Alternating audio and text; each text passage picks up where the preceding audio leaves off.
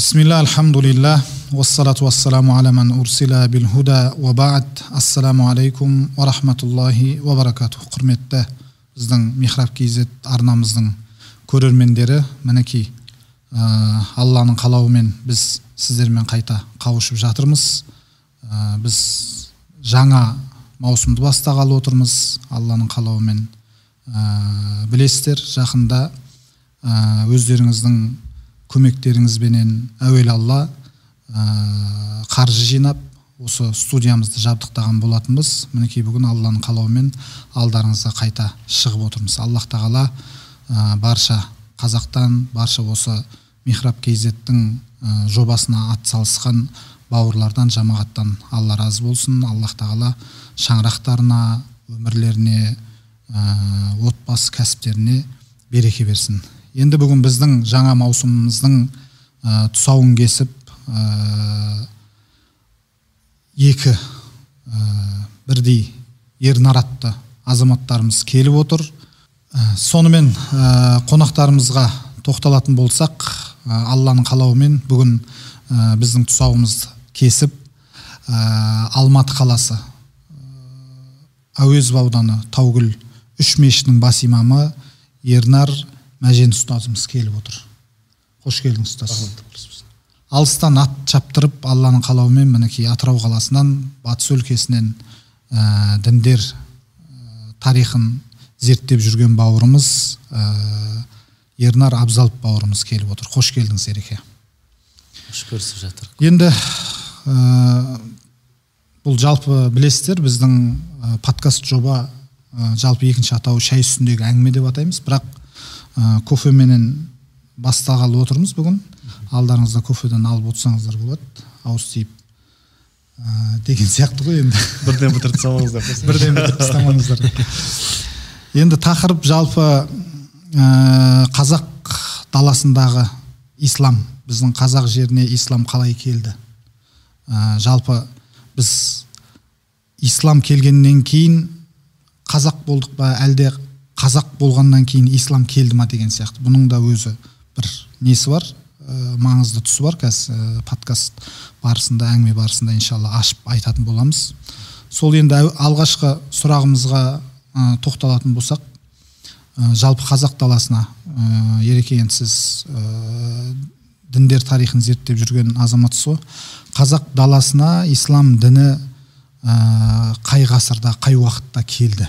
Соған тоқталып кетсеңіз. Иә көп рахмет ұстаз осы подкасттарыңызға шақырып жатқандарыңызға сіздердің подкасттарыңызға келу студияларыңызға келіп кету біздің көптен арманымыз ойымызда жүрген еді. Өзіміз де ұсыныс беріп көрейік мүмкін осы тарих мәселесін қозғайтындай өйткені қазақстанда дәл қазіргі уақытта ислам тарихы ғылымы діндер тарихы ғылымы өте мұқтажбыз бұл мамандарға. Сондықтан дәл қазіргі уақытта мен өзім түркияда діндер тарих мамандығында докторантурада оқып жатырмын көптеген егер тарихқа потенциалы бар азаматтарымыз зерттеушілеріміз болса осы мамандықты бітіріп жаппай қазіргі уақытта болып жатқан біздің асыл дінімізге оның тарихына жасалып жатқан шабуылдардың алдын алуға атсалысуға шақырар едім. Енді қазақ даласындағы ислам тарихы қай уақытта келді? Бұл өзекті сұрақ өте. Енді ислам тарихы бұл жалпылама үлкен ғылым. Бұл кәдімгі мұхадистермен қатар фахихтармен қатар отыратын ислам мұғарихтар деген үлкен ғалымдар бар дәл қазіргі уақытта ислам елдерінде. Ислам тарихы деген факультеттер бар кафедралар бар институттар бар. Олар оның барлығын зерттейді пайғамбарымыздың дәуірін табиғиндердің дәуірін. Соның ішінде енді бізге өте қатты ә, қатысы бар үлкен ғылым бар. Ол түркі ислам мектебі. Түркі ислам мәдениеті деген үлкен терминдер бар ислам тарихының ішінде. Өйткені ислам көптеген халықтарға тарады парсыларға үнділерге жаңағыдай ол жақтағы халықтарға африкалық халықтарға тарады. Соның ішінде мынау ислам дінін дамытуға оның жайылуына көп еңбек еткен ислам тарихшылар үш халықты негізі атап өтеді. Бірінші әлбетте ол арабтар. Өйткені дін арабтарға басында уахи етілді адамзатқа уахи етілді ғой бірақ арабтар арқылы. Араб жазирасына. Иә араб жазирасына. Одан құран араб тілінде хадис араб тілінде ислам ғылымдарының көбі араб тілінде жазылды тарады дегендей сондықтан араб халқының үлесін жоққа шығармайды. Екінші парсы халқы. Парсы халқы да бұрыннан мәдениетке өркениетке жақын халық бірақ ислам өркениетімен ұштасып бұрынғы өркениеттердің бәрін тастаған кезде бұрын поэзия тағы басқа өркениеттері парсылардың мемлекет басқару сияқты әдет ғұрыптары мұсылман өркениетіне өте қатты жәрдемін тигізді. Кейін түркі мәдениеті түркі халықтарының ислам қабылдауы әскери өнерде мұсылман әскерлерін өте қарқынды жеңіске жеткізіп отырды.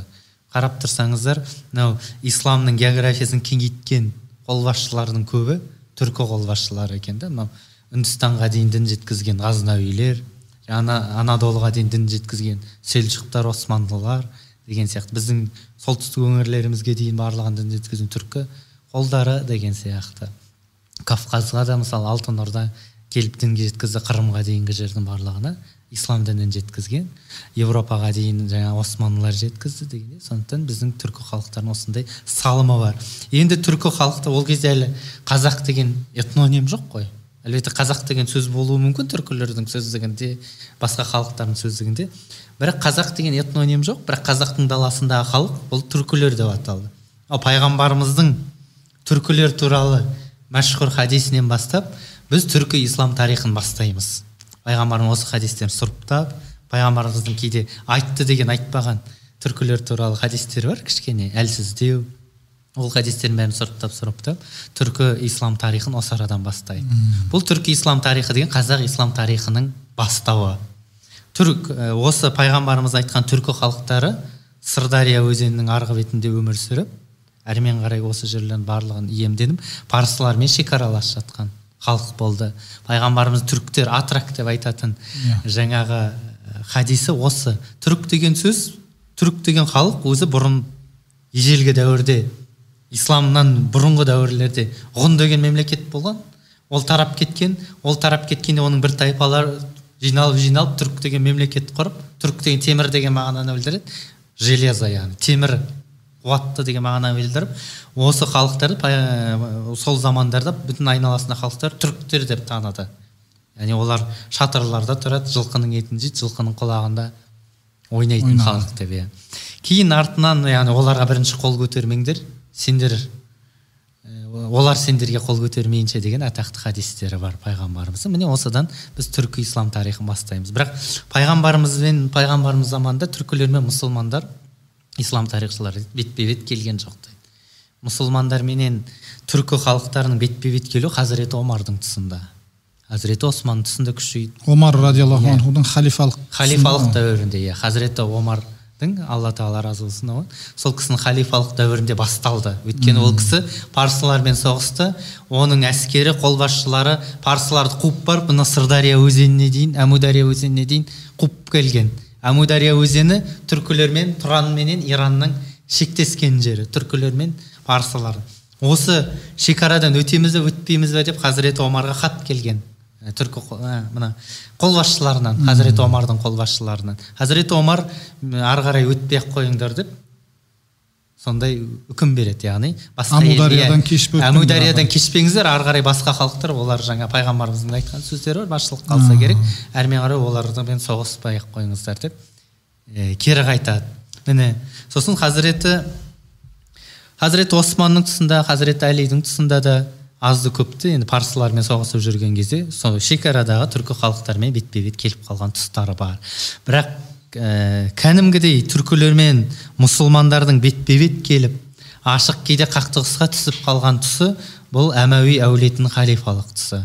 Соң yeah. Иә. соңғы кезең иә? Yeah, әмәуи әулетінің иә соңғы орта кезеңдерінде өйткені олар ә, бүтін ә, әлемді жаулауға төрт жаққа төрт қолбасшы қойды деуге болады. Соның бірі қорасанға қойған қолбасшысы қутайба ибн муслим.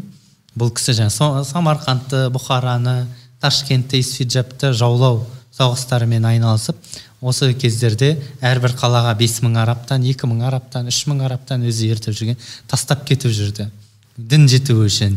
Олар кейін біздің арамызға сіңіп қожа деген руды алып кетті. Ол кісі тастап кеткен арабтар бірақ әмәуилердің тұсында ә, мұсылмандар мен түркілердің арасында қарым қатынас өте қатты ә, қарама қайшы болды. Өйткені хажаж ибн юсуф деген әмәуилердің тұсындағы атақты қатыгездігімен танымал Иә. болған қолбасшының саясаты түркі соғды парсы сияқты жаңадан ислам қабылдап келе жатқан халықтардың бетін кері қайтарып жіберді.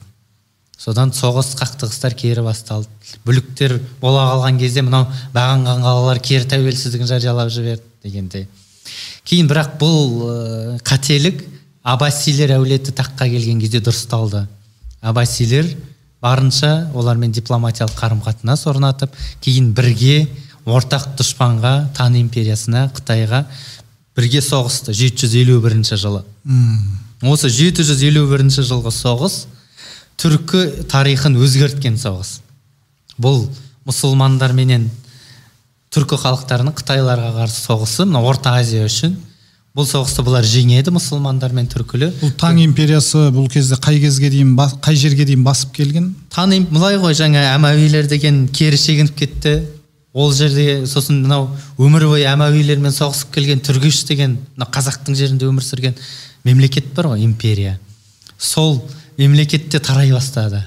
Содан түркі халықтары жайлап бытырай бастады. Орта азия халықтарының жағдайы қиын болды. Бұл жағдайды өте жақсы пайдаланды қытайлар. Тан империясы сөйтіп мынау батысқа дейін біздің шекарамызды үлкейтеміз деп мынау орта азияның кәдімгі тараз қаласының түбіне дейін жетіп қалып олар осындай әрекеттер жасады. Кейін осы аббасилердің осы орта азия хорасанға тағайындаған жаңа қолбасшысы бұл ә, жаңа қытайларға қарсы соғыс жариялады. Осы соғыста біздің бабаларымыз ойланды.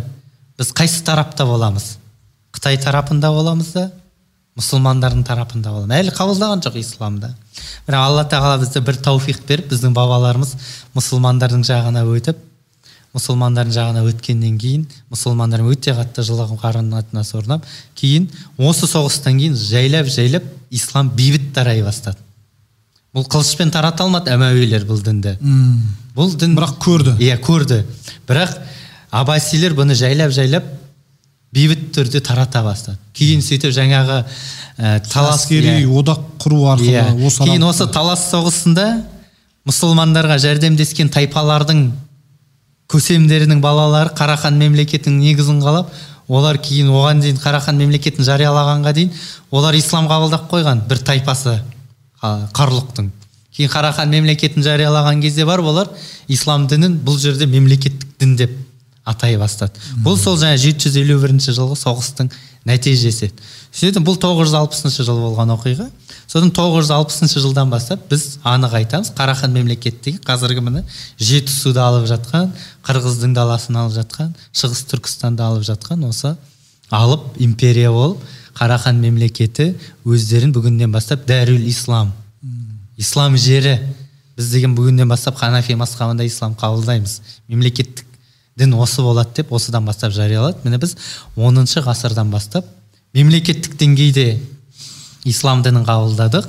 Одан бұрын одан бұрынғы жаңағы талас соғысы мәдени түрде жол ашты бізде. Содан біз айтамыз ислам дінінің тарауының хронологиясына қарасақ қазақ даласында бес кезеңге бөлінеді деп айтамыз.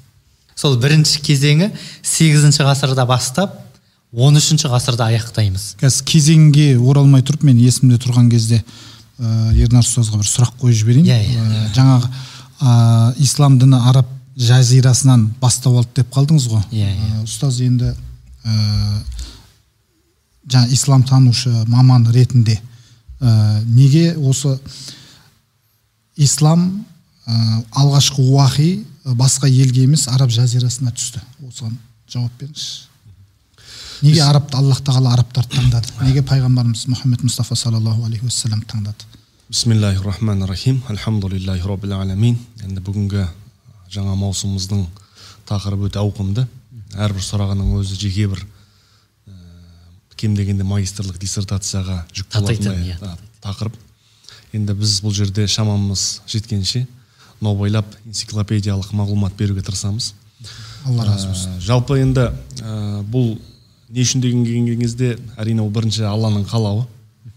Алланың қалауы. Ә, сосын ә, білеміз біз ә, арабтар ғұмыр кешкен ә, әсіресе мынау мекке мәдина аймағында ә, еврей халқының тұрғанын соңғы бір пайғамбар келетіндігі туралы нақты оларда хабар бар мағлұмат бар. Оған олар шын көңілмен иланып өзінің ұлтынан болады деп күтіп жүрген. Және әрбір ә, арабтармен текетірес сәтінде жақында бізге бір пайғамбар келеді. Ол пайғамбар келген кезде біз оған ілесіп сендерді осы қаладан ә, қуалап шығамыз деп үнемі айтатын. Бірақ олар күткендей ә, пайғамбар еврей қауымынан емес алла тағаланың хикмет қалауымен араб қауымынан келді. Алдыңғы пайғамбарлардың барлығы еврей еврей қауымынан келген. енді ә, бұл жерде ә, бір түрлі екі түрлі көзқарас келеді. Біріншісінен ә, жалпы пайғамбар қандай қауымнан келеді?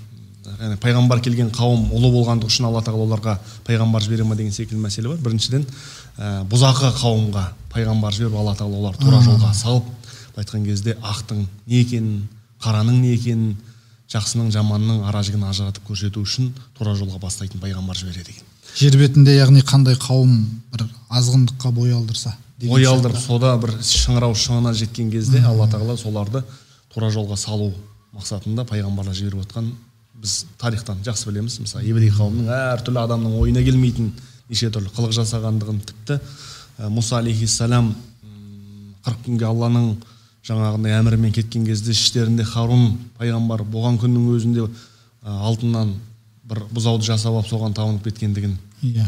көз алдыларында жаңағындай аман есен қызыл теңізден өткендігін мұса пайғамбардың әртүрлі мұғжизасын көріп тұрса да сондай бір әрекетке барғандығын білеміз. Сонымен қатар сол сәтте араб жазирасында да үлкен адамзат тарихындағы әртүрлі бұзақылық ә, келеңсіздік арсыздық ұятсыздық дегеннің белең алғанын біз жақсы білеміз. Енді ә, неге араб ұлтынан ә, келді деген мәселеге келетін болсақ енді тілдік тұрғысынан енді алла тағаланың құран түскен ә, кітабымыз құранның түскен тілі бұл енді ерекшелік жағынан енді алла тағаланың өзі әу бастан осыны илахи бір жоспар ретінде ә, тілінің тереңдігі ауқымдылығы ә, және алла тағаланың мақсатын мұратын былай айтқан кезде енді адамның тілі ғой енді араб тілі болса да адамның тілі сол алла тағаланың енді ғылымы шексіз біз білеміз. Ә, құранда жаңағы егер алла тағаланың жаңағындай кәләмі жазу үшін бүкіл жер бетіндегі ормандар қалам болса жер бетіндегі бүкіл мұхит теңіздер сия болса алла тағаланың кәләмін жазып бітпейді. Яғни алла тағаланың білімін ол терең. Енді сол тілдердің ішіндегі ә, сол алла тағаланың мақсат мұратын ә, өзге тілдерге қарағанда көбірек түсіндіруге ыңғайлы қолайлы тіл деп айтсақ болады. Сонымен қатар ә, араб жазирасы бұл үш материктің ортасындағы географиялық тұрғыдан орналасқанын біз жақсы білеміз. Мысалы қарап тұрсаңыздар жоғары жағы солтүстік жағы деп айтайық. Ә, европа ә, батыс жағы мынау африка континенті. Ә, одан кейінгі мына шығыс жағы бұл жаңағы азия деп айтсақ болады. Азия оның солтүстік евразия ары қаратай жаңағындай қиыр шығысқа қарай созылып кете береді. Ал жоғары жағы европа мына жағы африка деп айттық. Сонда қарап тұрсаңыздар ә, географиялық тұрғыдан орналасуының өзі ә, дін ертең жайылып ә, кең етек алған кезде мына жаққа да оңтүстікке де солтүстікке де шығысқа да батысқа да жайылуына географиялық тұрғыдан бір ыңғайлылық бар. Сонымен қатар енді жаңағы білесіздер ә, құранның тілін деп айттық. Пайғамбарымыз саллаллаху алейхи вассаламның араб ұлтынан келіп ә, ә, сол жердегі айтылған мәселелер сөздер айтылған дүниелердің барлығы ә, былай айтқан кезде көптеген терең тұрғыдан ә, және де ауқымдылық тұрғысынан араб тілі осы дініміздің ә, тілі ретінде ә, болып ә, көптеген мәдениеттің жаңағындай өзінің өзегін қалыптастыруға мүмкіндік берді. Кейін жаңағы араб жұртының енді араб жұрты деп айтқаннан мақсат бұл жерде мұсылман жұртының дегенбай шағында мәдениеті өркениеті ә, дүркіреп тұрған шағында білесіздер әлемдегі тіл бұл араб тілі болды. Қазір мысалы ағылшын тілі әлемде қалай үстемдік құрып тұрған болса сол кезде мысалға Араб цифрлары иә. араб цифрлары мысалға ә, испаниядағы кордова халифатының ә, андалузия халифатының болған білеміз әлі күнге шейін мысалға әл артиклі мысалға сол елде қолданылатындығы. Сол уақыттағы европаның ә, мен деген былай айтқанда интеллигентті жастарының араб тілін үйренуге ынтықтығы және әлемдік өркениеттен қалмау үшін араб тілін білу керек екендігін олар жақсы түсінген және үйренген. Сосын мына күнімізде енді тырнақшаның ішіне айта кетейік. Ә, біздер жаңағы университет бітіріп жаңағы магистратуралық ә, диссертацияны қорғап немесе доктор болған кезде басымызға киіп жүрген мантия біз бұл кезіндегі европалықтардың біздің бабаларымызға еліктеп бабаларымыздың жаңа киген сәлдесіне еліктеп сәлде киіп сабақ беретін болған. Бірақ сол біз өкінішке орай сондай бір жағдайға түсіп қалдық. Біздің бабамызға еліктегенге еліктеп жатырмыз негізінде. Ол мантияның түп төркіні өзіміздің бұл сәлдеміз. Иә. Бұл сәлдеміз. Сондықтан сондай дәрежеде бұл болды. Сондықтан да енді осылай деп қысқаша айтсақ болады. Енді бауырымыздың мағлұматтарына қоса кететін бір дүние. Жалпы түркі жұртының араб жұртымен кездесуі араласуы мәселесіне келетін болсақ оның түбі тереңде жатыр. Тіпті біздің эрамызға дейін жетінші ғасырда арабтар мен түркілердің бетпе бет келіп ә, араласқандығы туралы. Ол да әсіресе мынау кавказ жерінде орналасқан дәрбанд деген біз білеміз бабуль баб. Есіктердің есігі деген секілді ескі көне қала бар дербент деп қояды әзірбайжанда сол арқылы хазарлардың иә дағыстанда хазарлардың сол арқылы өтіп ар жақтағы бұл енді араб жазирасы ә, сол, ә, солтүстік батысында білесіздер атақты византия империясы. Бұл византия империясы Ри- рим империясының бір бөлігі деп айтсақ болады. Ә, 394 жыл бөлінгенде шығыс рим шығыс рим империясы ғой енді. Орталығы константинополь пайғамбарымыз саллаллаху алейхи хадисінде өткен. Ә, оның араб жазирасының ә, шығысында деп айтсақ болады атақты парсы перстер парси империясының болғандығын білеміз. Сол екеуінің ортасындағы буфер мемлекет буфер мемлекет. Кейде бұлардың ықпалына византиялықтардың ықпалы зо- зор болған кейбір кездерде жаңағы парсылардың ықпалы зор болған. Міне осы сәттен бастап ә, араб жұрты мен түркі жұртлардың таныс болғандығын сосын атақты ә, жібек жолы арқылы ә, сауда керуендері арқылы түркілердің таныс болғандығын әсіресе бұл жахилия арабтардың ішіндегі атақты Ақындар. ә, ақындардың өлең жолдарында түркілердің түрк, түрк сөзі қолданылып және түрк, түркілердің ә, мықты әскер ә, соғыс тактикасын ерекше білгендігі туралы жырларында өтетін жырларында өтетін. Ал енді бертін ислам келіп пайғамбарымыз саллаллаху алейхи келген кездегі алғашқы мағлұматты біз хандак ор соғысында ор қазылып жатқан сәтте пайғамбарымыз саллаллаху сол ордың басына барып бір шатыр құрды дейді. Ол шатыр мұхаммед хамидулланың айтуы бойынша түркі шатыры. Енді киіз үй деп айтсақ болады қазақ үй деп айтсақ болады. Түркі шатырын құрып сол жерде пайғамбарымыз саллаллаху алейхи вассалам ор қазылып біткенге дейін сол жерде болғандығы туралы айтылады. Кейін ә, Түркілердің шатырында түркілердің шатыры. Біз- біздің енді қазақ үй деп айтсақ болады Иә, өйткені ә, жығып көшіп кетуге оңай тігіледі оңай жаңағы былай айтқан кезде Көшпенділерге қолайлы. ыңғайлы. Енді жаңағы хандек салып жатырмыз деп басына қыштан барып ә, ғимарат тұрғызу кішкене қиындау болуы мүмкін. Иә, сондықтан да өте ыңғайлы. Кейін мадина қаласында да осындай шатырлардың болғандығы туралы не істелінеді мағлұматтар бар. Түрк, түркі шатыры деген секілді. Енді ә, парсылардың ә, әскери жағынан ықпалды болған түркілердің болғандығын біз білеміз. Атақты құран кәрімдегі рум сүресіндегі шайқаста ә, парсыларға әскери тұрғыдан көмектескеннің түркілердің болғандығын айтылады. Түркілердің болғандығы айтылады. Кейін ә, сол соғыста парсылар жеңіліп ә, пәруаз жеңілгеннен кейін өлтіріледі өлтірілгеннен кейін оның орнына соның ә, түркі жұртынан болған әйелінің баласы таққа өткендігі туралы айтылады. Иә жаңағы туралы айтылады. сейхуннан өтіп кетіп қашып кетті деген сол нағашыларына кетіп иә иә. қалғаны ғой сол. Сол міне қарап тұрсаңыз сол сәтте түркілердің сол жерде ә, осындай істерге араласқандығын біз жақсы білеміз. Сол кездегі араласқандығын жақсы білеміз. Иә көп алла керемет мәліметтермен тоқтатып кетті. Енді біз жаңа нақты діни ықпалдастық қашан басталды дегенге жауап берген бірақ ернар ұстазымыз өте көп толықтырулар айтты. Алла разы болсын ұстаз. Ә, ереке жаңа ә, сөзіңізді бөліп жібердім айыпқа бұйырмайсыз. Ә, жалпы бізге исламға жаңа исламның кезеңдерін айтып бастадыңыз иә? Соны жалғастырып бітіріп берсеңіз. Иә өте бұл да өте ауқымды сұрақ. Бұл да жаңа ернар ұстазымыз айтқандай үлкен бір диссертацияның бір тақырыптары негізі бірақ жаңағыдай энциклопедиялық ақпараттық деңгейде айтып көрейік. Исламның біз хронологиялық бес кезеңі бар деп есептейміз. Яғни сараптап жүйелеп қарайтын болсақ. Бірінші кезеңі сегізінші және он үшінші ғасырды қамтиды. Бұл кәдімгі исламның алтын ғасырының тұс- тұспа тұс келген уақыты. Бұл замандарда имам матруди имам ә, самарқанди имам бұхари сияқты орта азиядан кәдімгі керемет ислам үмметіне мақтаныш болған марғинани сияқты кейін ханафи масхан хаштурхани сияқты ғалымдары шыққан заман болды екен одан кейін ә, бұл заманды неге біз 8 бен 13 ғасырдың арасына қамтимыз себебі бұл ислам алғаш рет келді. Қарахан мемлекетінің дәуірінде мемлекеттік дін болды. Мына жақта еділ бұлғарлары мемлекеттік дін деп жариялады. Осы тұста түркі халықтарменен мұсылмандар қалай тіл табысу керек? Олар құранды оқиды бірақ түсінбейді түркілер. Намазды оқиды бірақ түсінбейді. Оны түсіндіру үшін ғалымдар шықты. Яғни тілдің ғалымдары. Махмуд қашқари сияқты. Люғаның яғни тілдің ғалымдары. Жүсіп баласұғын сияқты мемлекеттік істерді басқаратын адам. Сол сияқты ахмет яссауи деген де ғалымымыз шықты осы арада. Пири түркістан деп айтады түркістанның ұстазы деп. Бұл кісі осы түркі халықтарына ислам дінін түркі тілінде түсіндірген. Соны жеткізген адам болғандықтан бұл кісінің дүниеге келіп феномен болып жаңа түркі халықтарына жаппай дінді ғылыми мәдени түрде түсіндіруі үлкен дүмпу әкелді яғни руханият жағынан дүмпу әкелді сөйтіп ислам дінінің бізде орнығуы басталды кәдімгі сегіз бен он үшінші ғасырдың арасында.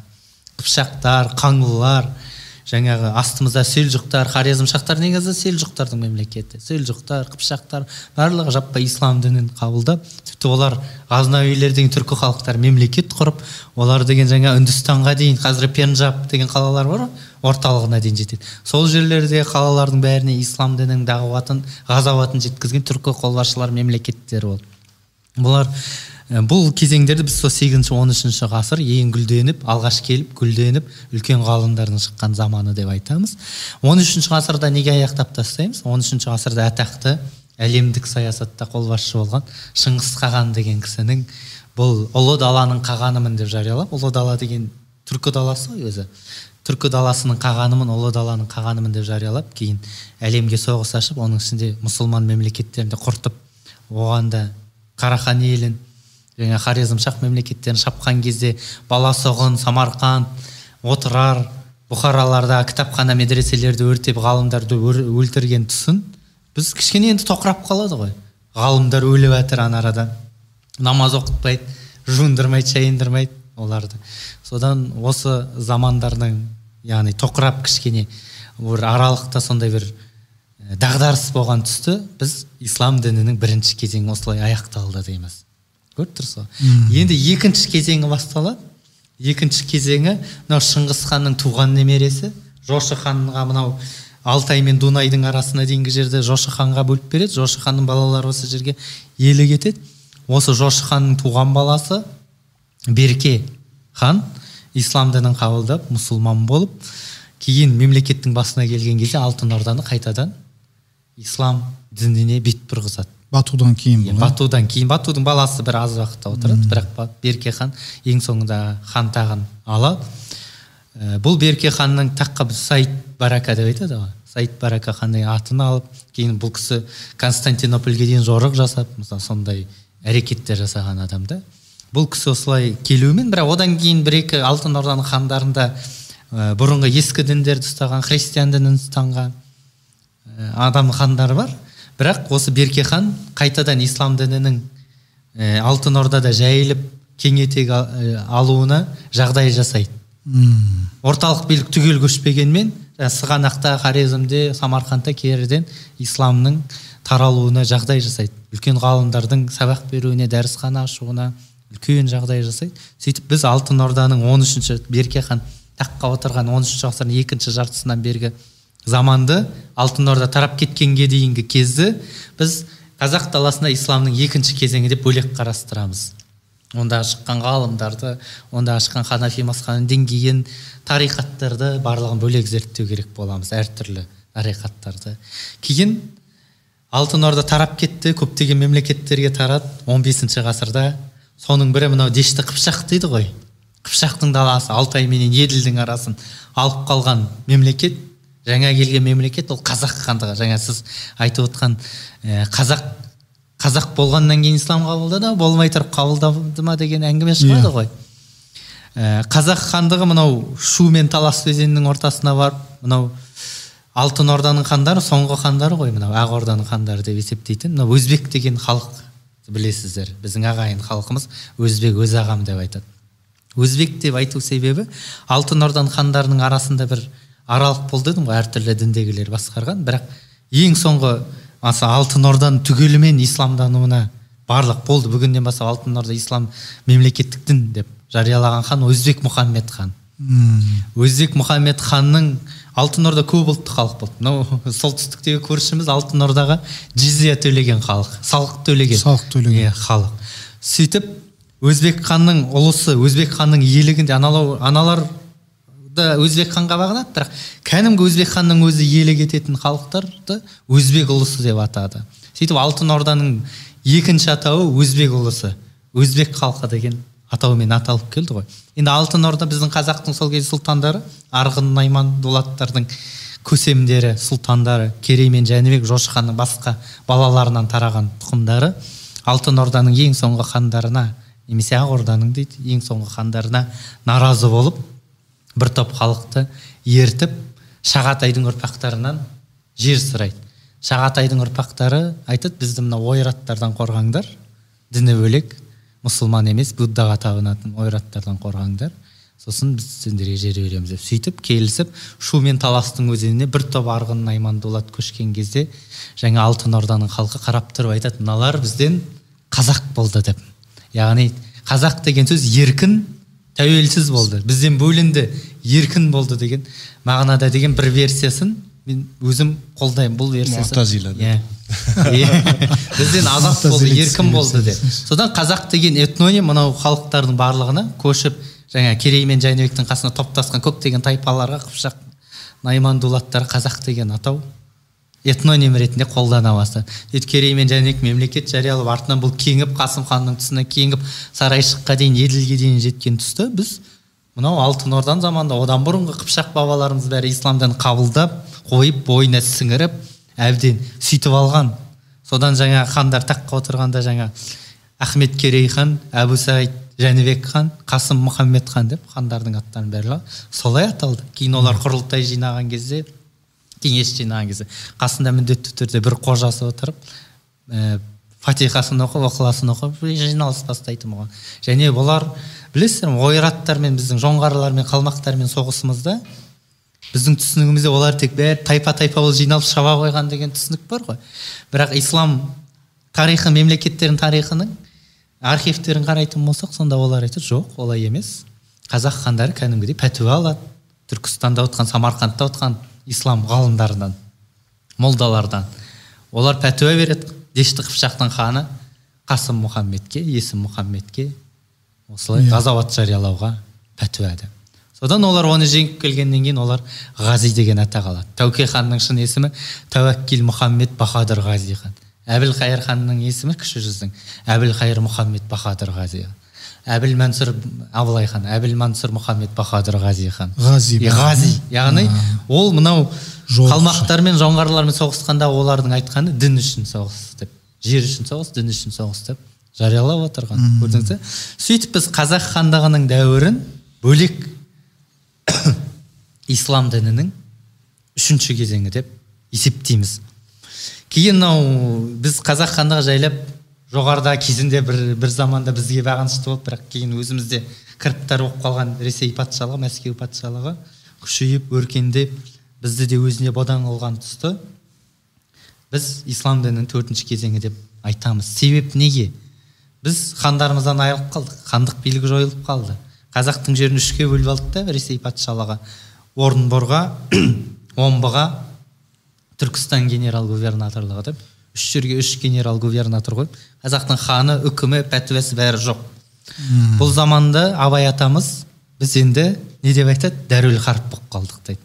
Бұл енді үлкен саяси термин негізі дәруел Иә. харп бірақ оны айтып отқан себебі біздің мемлекетіміз жоқ. Абай атамыз иә айтты. үкіміміз жоқ біздің үкіміміз жоқ. Пәтуамыз жоқ өзіміздің молдаларымыз жоқ өзіміздің шығарып отқан. Содан біз дәруел харп болып қалдық дейді.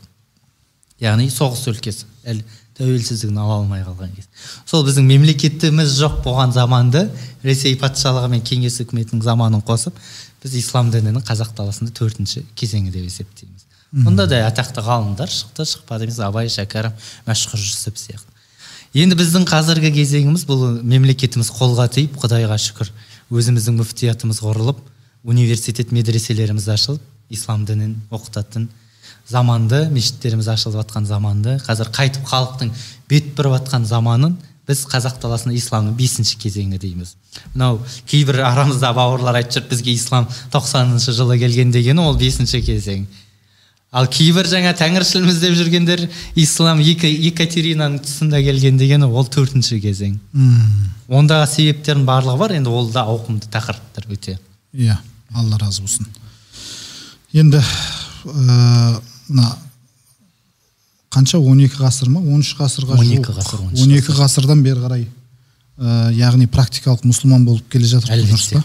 ә, амалдағы мұсылман болып келе жатырмық және жалпылама алған кезде ә, түркілік мұсылмандық және қазақ мұсылмандық деп бөлсе бола ма? Былай деуге болады. Жалпы ислам тарихы адамзат тарихының ішінде ең біз мақтан тұтатын тарих. Дұрыс па? Иә. Оның ішінде ислам тарихының ішіндегі түркі ислам тарихы бөлек бір тақырып. Ал қазақ даласы қазақ мынау мемлекеттігі басталған тұстан бастапқы тарихты бұл түркі ислам тарихының ішінде бір бөлшегі деп есептейміз. Яғни қазақ халқының түркілік таным түсінігі ислам дінін қабылдауға кедергі болған жоқ. Мынау осы орайда исламға дейін түркілер қандай дін ұстанған деген заңды сұрақ туындайды. Көп бауырларымызда.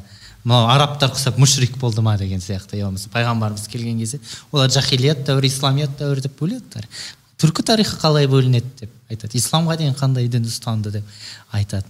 Исламға дейін түркі халықтары тәңіршілдік нанымында болған дейміз сенімінде болған. Оны бір дін деп айту үшін оның жүйесі үлкен кітабы ережесі болу керек қой. Ондай біз таба алмағандықтан бірақ түркі халықтарының ұстанған наным сенімін тәңіршілдік деп есептейміз. Бұл на, нақты бір ә, тарихи иә бұл тарихи дерек иә бұл тарихи деректер. Бірақ қазіргі тәңіршілдерменен біз тәңіршілміз деп жүргендермен біздің бабаларымыз ұстанған тәңіршілдік екеуі екі бөлек нәрсе. Мына тәңіршілдікті көп зерттеген ғалымдар әлемнің әсіресе шығыстану институттары өте жақсы баға береді. Мынау орыс ориенталисттер шығыстанушыларынан басқа әлемнің шығыстанушыларының барлығы бір ауыздан тәңіршілдік нанымын монотеистік наным деп есептейді. Яғни бір құдайға сенген. Ол көктің бір тәңірі бар. Иесі бар деген мағынада. Жердің бір тәңірі бар. Судың бір тәңірі бар деген мағынада түсінген дейді түркілер. Кейін келіп мұсылмандар келіп жин, ислам діні жайылған кезде тәңір деген сөзді және тіл ғалымдары лұға ғалымдары махмуд қашқарилер тәңір деген сөзді арабтың илах деген сөзіне аударма қылып жіберген ғой. Я болмаса раб деген сөзіне. Бұл дәстүрді кейін ә, бабаларымыздың бәрі жалғастырады. Тәңір қаласа деген ол алла деген сөз. Тәңір деген сонда алла тағаланың бір түркі тіліндегі есімі болып кетті. Тәңір берген деген иә тәңір берген деген сияқты иә. құдай деген мағынада қолданып кеткен ие деген мағынада. Кейін мұсылмандар келген кезде е көктің тәңірі бар деп жүрсің көктің тәңірі ендеше алла судың тәңірі бар деп жүрсің. Судың да тәңірі алла жердің тәңірі бар деп жүрсің. Жердің де тәңірі алла деп. Осылай яғни түркілердің арасында жаппай ислам дінінің орнығып қалу себебі дейді ғалымдар осы. Діндер тарихшылар айтады. Осы түркі халықтарының ескіден монотеизмге жақын болғанының себебі дейді. Енді орыс ориенталистер айтады жоқ не? Түркілер деген судың бөлек тәңірі бар жердің бөлек тәңірі бар. Жаңағыдай пұттарға табынған әртүрлі құдайларға табынған ә, мүшрик болған деген сияқты пікірлерді айтқысы келеді.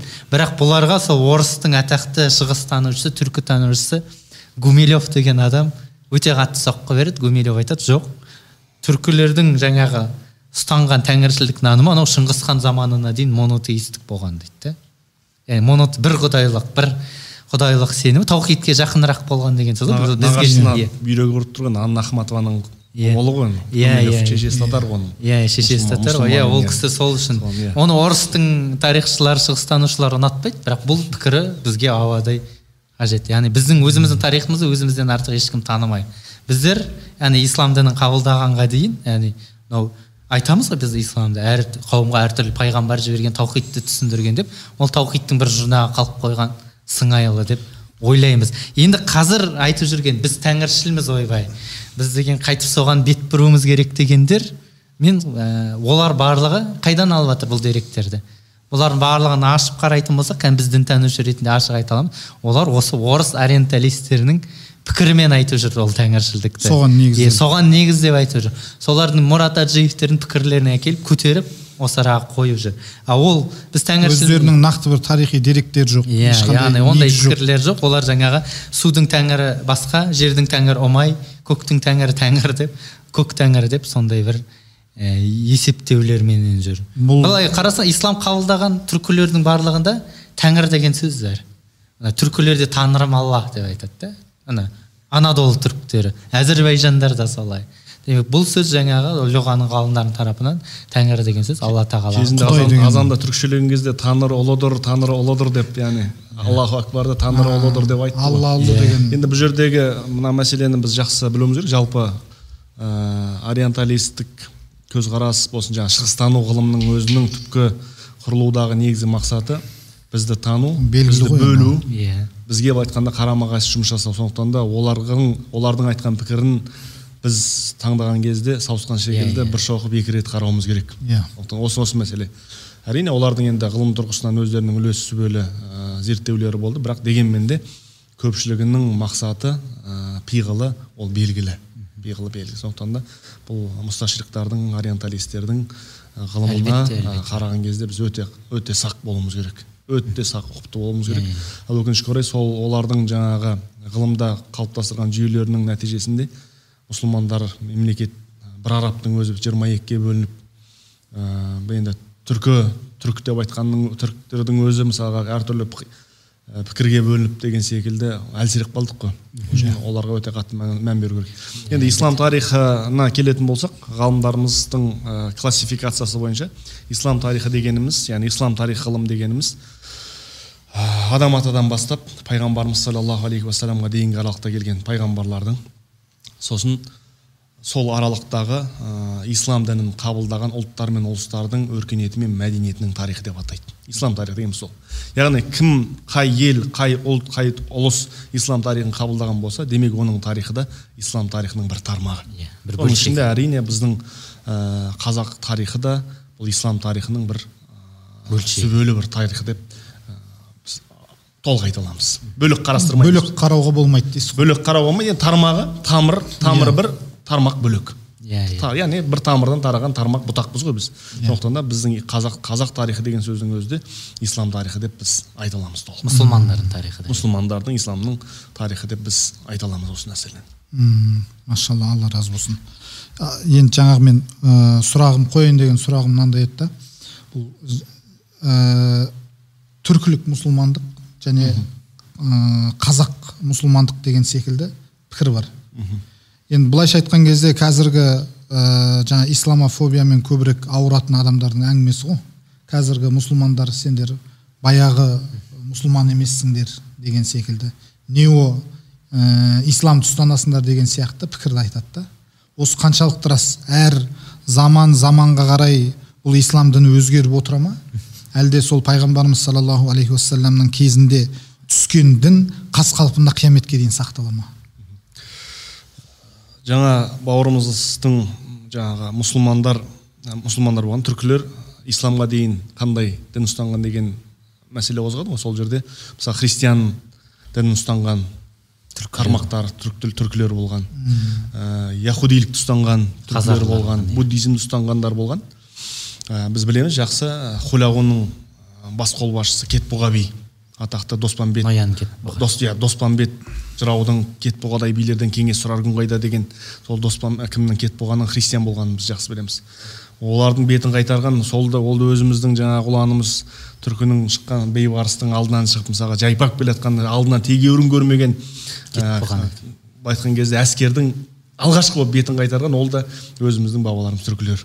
Мына жақта шайқасып жүргенде олар да түркілер көрдіңіз ба сондықтан да жалпы ә, ислам дінін қабылдаған ұлттардың тарихына үңілетін болсақ лек легімен лек легімен тіпті жүз мың жаңағы түтін деп айтсақ түтін деп айтамыз ғой енді біз қазір. Жүз мың шатырлы түтіннің бір дегенде исламды қабылдаған бірегей ұлт бұл түркі жұрты.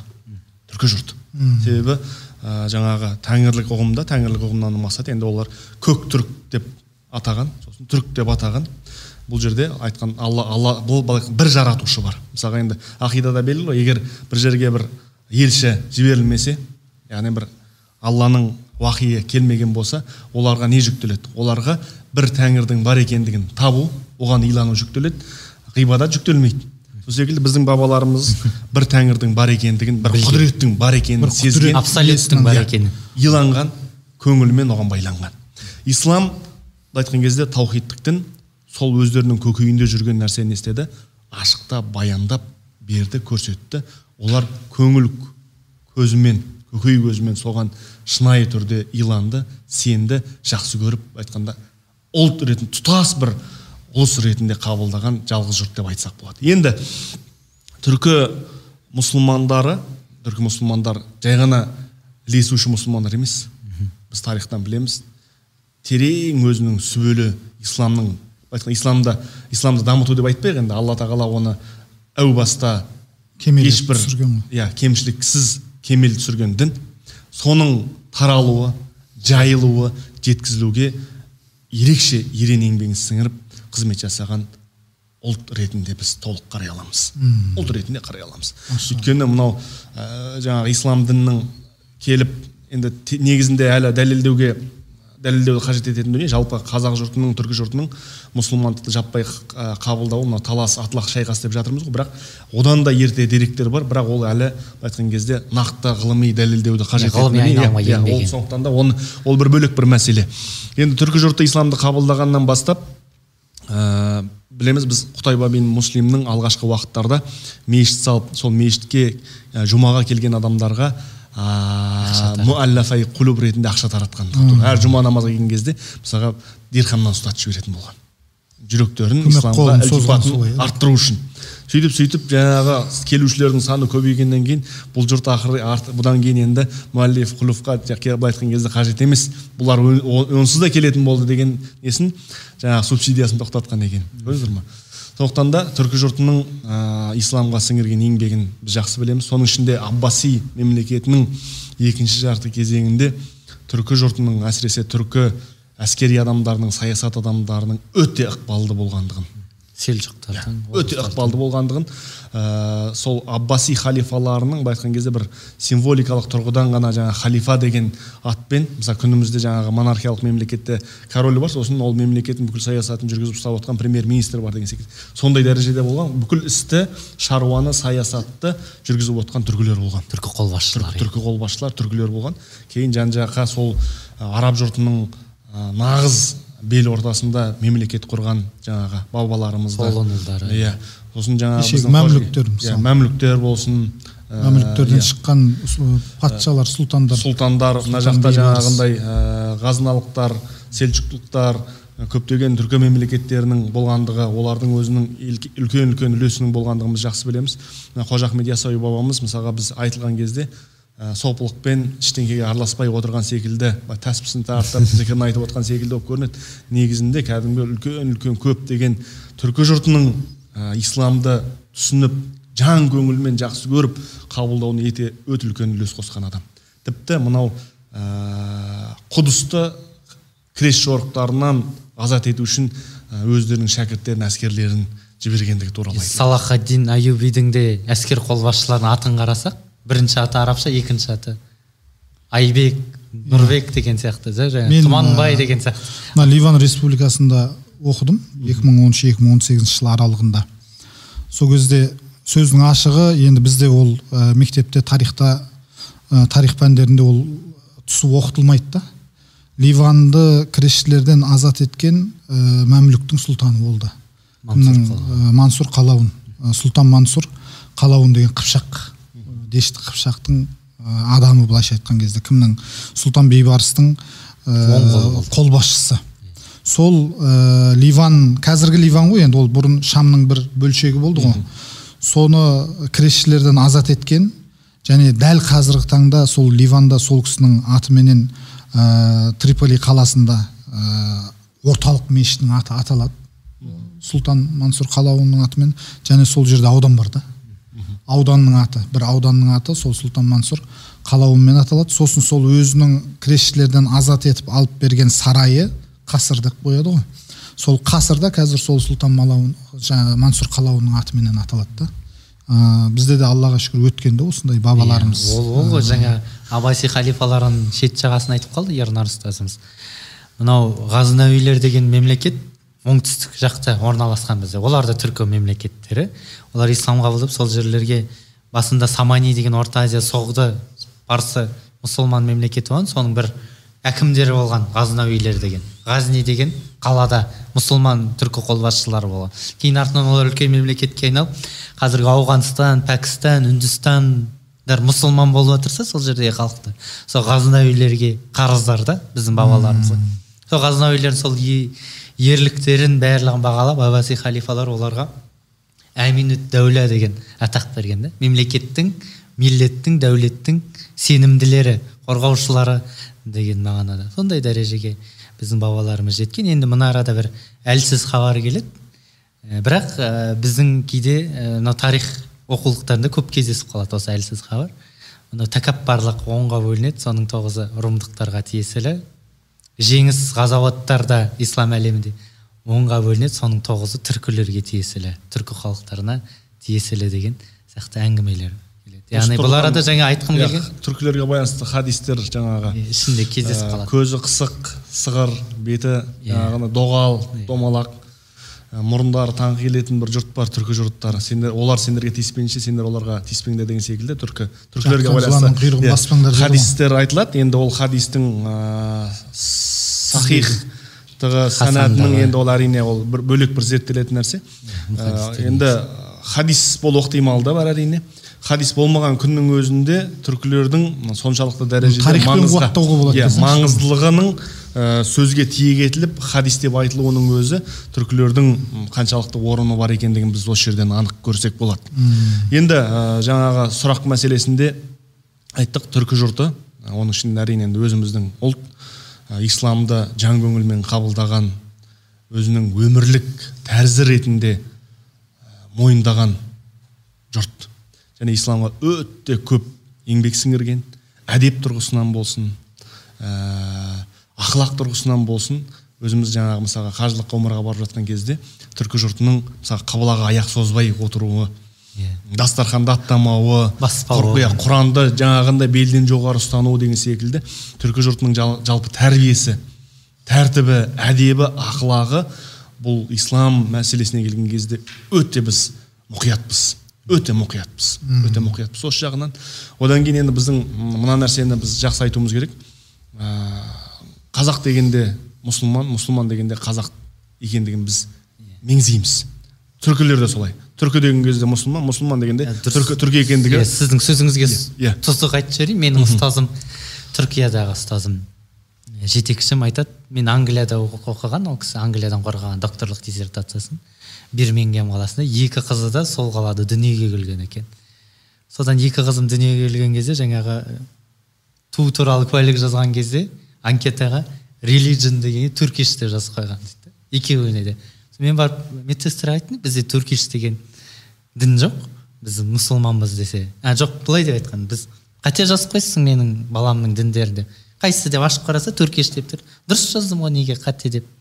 Ашуланасыз десе жоқ бізде туркиш деген дін жоқ деп айтады сонда еуропалықтардың санасында туркиш деген ислам дегеннің бір синонимі болып қалған екен. Осман империясының қанша жылғы ислам дінінің жалауын көтеріп ислам дінінің атынан үмбетінен сөйлегенінің а, себебінен 300-400 жыл бойына түрік деген сөзбенен мұсылман ислам деген сөз мұсталах Синоним болып кеткен, мұсталах ғұрфиге айналып кеткен айналып кеткен сол сияқты мына қазақтың таным түсінігінде де қазақшылық пенен мұсылманшылық екеуі қатар қолданып кеткен мәселен мен өзім үлкен кісілердің қолында өскенмін атаның баласымын екі айлығымда атам бауырына басып алып кеткен әжем екеуі анам деп айтамын енді әжемді сол бір күні рамазанның кезінде үлкен кісілер ораза ұстамайды өздері денсаулығына басқа да рамазанның кезінде көрші шайға шақырып қалды оразаның кезінде. Сонда үлкен кісілердің ренжігені бар.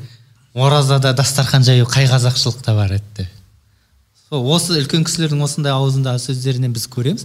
Қазақшылық пенен мұсылманшылықтың синоним ұғым болғаны екенін жаңа кейбір дін ә, кейбір ғалым ағаларымыз кейде ә, қатты ұлтшылдық пен діншілдікті қатар қояды ә, қарсы қояды да бір біріне әлихан бөкейхан дейді біздің ең алғаш мемлекет республикалық үлгідегі мемлекет басшымыз.